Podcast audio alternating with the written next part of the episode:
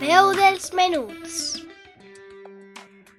Un espai de literatura, diversió i entreteniment.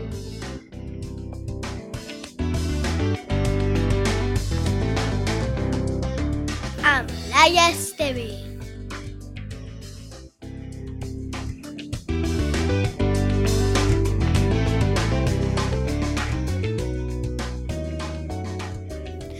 Amics i amigues de la veu dels menuts! Una vegada més és dissabte. Se'n passen els dies volant. Recordeu que la setmana passada vam parlar de la bicicleta i de que Leonardo da Vinci també va inventar el seu tipus de bici? Avui vull conèixer més en profunditat a aquesta persona. Us abellix? Comencem! El seu nom és Leonardo di Ser Piero da Vinci i va néixer el 1452 a Florència, al poble de Vinci, a Itàlia.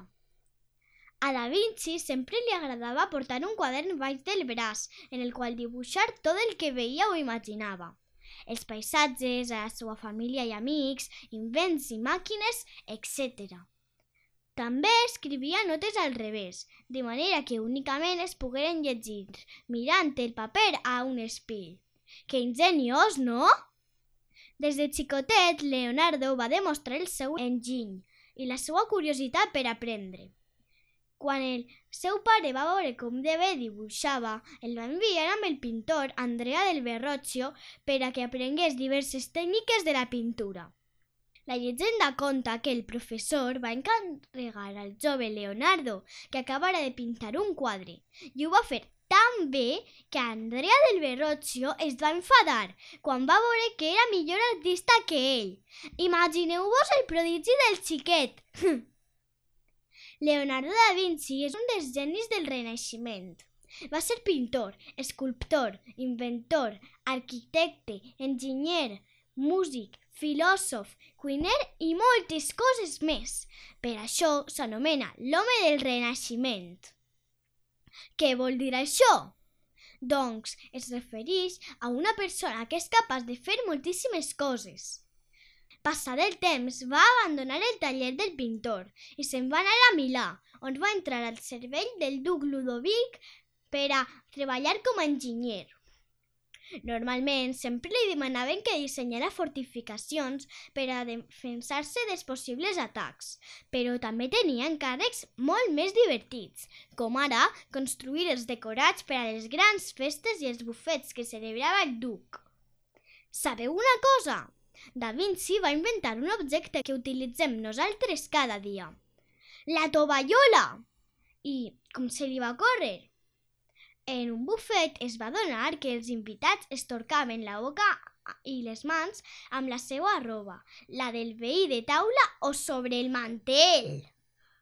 I per això ell va pensar i si hi hagués un objecte amb el qual les persones pogueren netejar-se amb ell? Molt més higiènic, eh? Aleshores va inventar la tovallola. Al principi la gent no sabia com utilitzar-la, ni sabia per a què servia. Alguns deien, què tal en queda com a barret? No és un barret, duc. Segur que serveix per a rentar-se les sabates. Què va? Ha de ser per envoltar el menjar que ens sobra i portar-lo a casa. I altres pensaven que la tovallola era una tonteria i que mai tindria èxit. Què penseu vosaltres? Mentre vivia a Milà, Da Vinci va pintar un dels seus quadres més famosos. Es tracta de la Última Cena, on es veu a Jesús i els dotze apòstols al voltant d'una taula. Com a pintor, hi ha tres obres seues mundialment famoses. Aquest que hem esmentat, així com la Mona Lisa i l'home de Vitruvio. Durant tota la seva vida solament va pintar 34, la majoria dels quals inacabats, perquè era molt perfeccionista i s'obsessionava amb els detalls i per això li costava tant acabar-los. Utilitzava tècniques que cap persona havia utilitzat mai, com ara l'esfumato, per a donar més profunditat als seus quadres o donar major naturalitat als personatges, orientant el seu cos cap a un costat i el cap girat cap a l'altre. Afortunadament, el duc Ludovic també l'apreciava com a gran artista que era. Un dia li va encarregar que realitzara la major estàtua eqüestre mai construïda. Un cavall de bronz de 70 tones de pes, 100 metres d'alçada i altres 7 de llarg. Havia de ser una obra que impressionara el món. I així va ser, ni curt ni pereós. Va dissenyar els plànols, va preparar els motlles d'argila i ho va preparar de seguida. Però quan ja estava tot gest, va ocórrer una cosa inesperada. Els francesos van atacar Milà i el bronze que utilitzaria per a l'estàtua el van haver d'emprar per a fabricar canons. Mai va acabar el cavall, encara que al segle XX el van fer almenys dues rèpliques a tamany natural i són impressionants.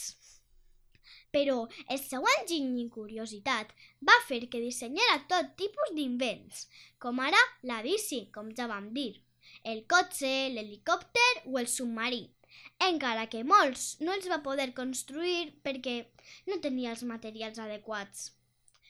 També va crear un tratge de butseig, màquines voladores, el contaquilòmetres, el paracaigudes i diverses armes, com ara la catapulta, el canó de tres troneres o la ametralladora. Da Vinci va passar els seus últims anys de vida a França, al cervell del seu protector, el rei francès I. Aquest li va regalar un preciós castell per a viure i allà podia fer el que més li avellia.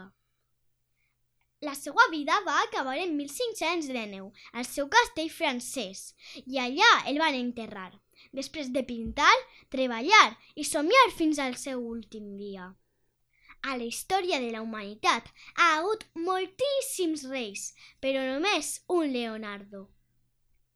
Què us sembla la vida d'aquest home? Quina intel·ligència més gran, veritat? Com pot tenir una sola persona tant de coneixement i inquietuds per a fabricar, imaginar tantes coses i tan variades? A mi m'ha encantat conèixer-lo. I a vosaltres? Fins així el programa d'avui. Espero que continueu molt bé. Tornaré el pròxim dissabte amb més informació, coneixements o curiositats del món. Moltes gràcies per escoltar-me i com sempre us dic, cuideu-vos molt!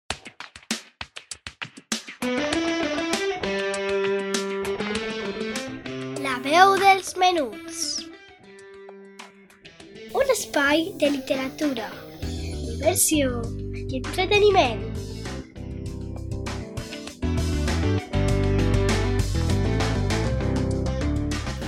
amb Laia Esteve.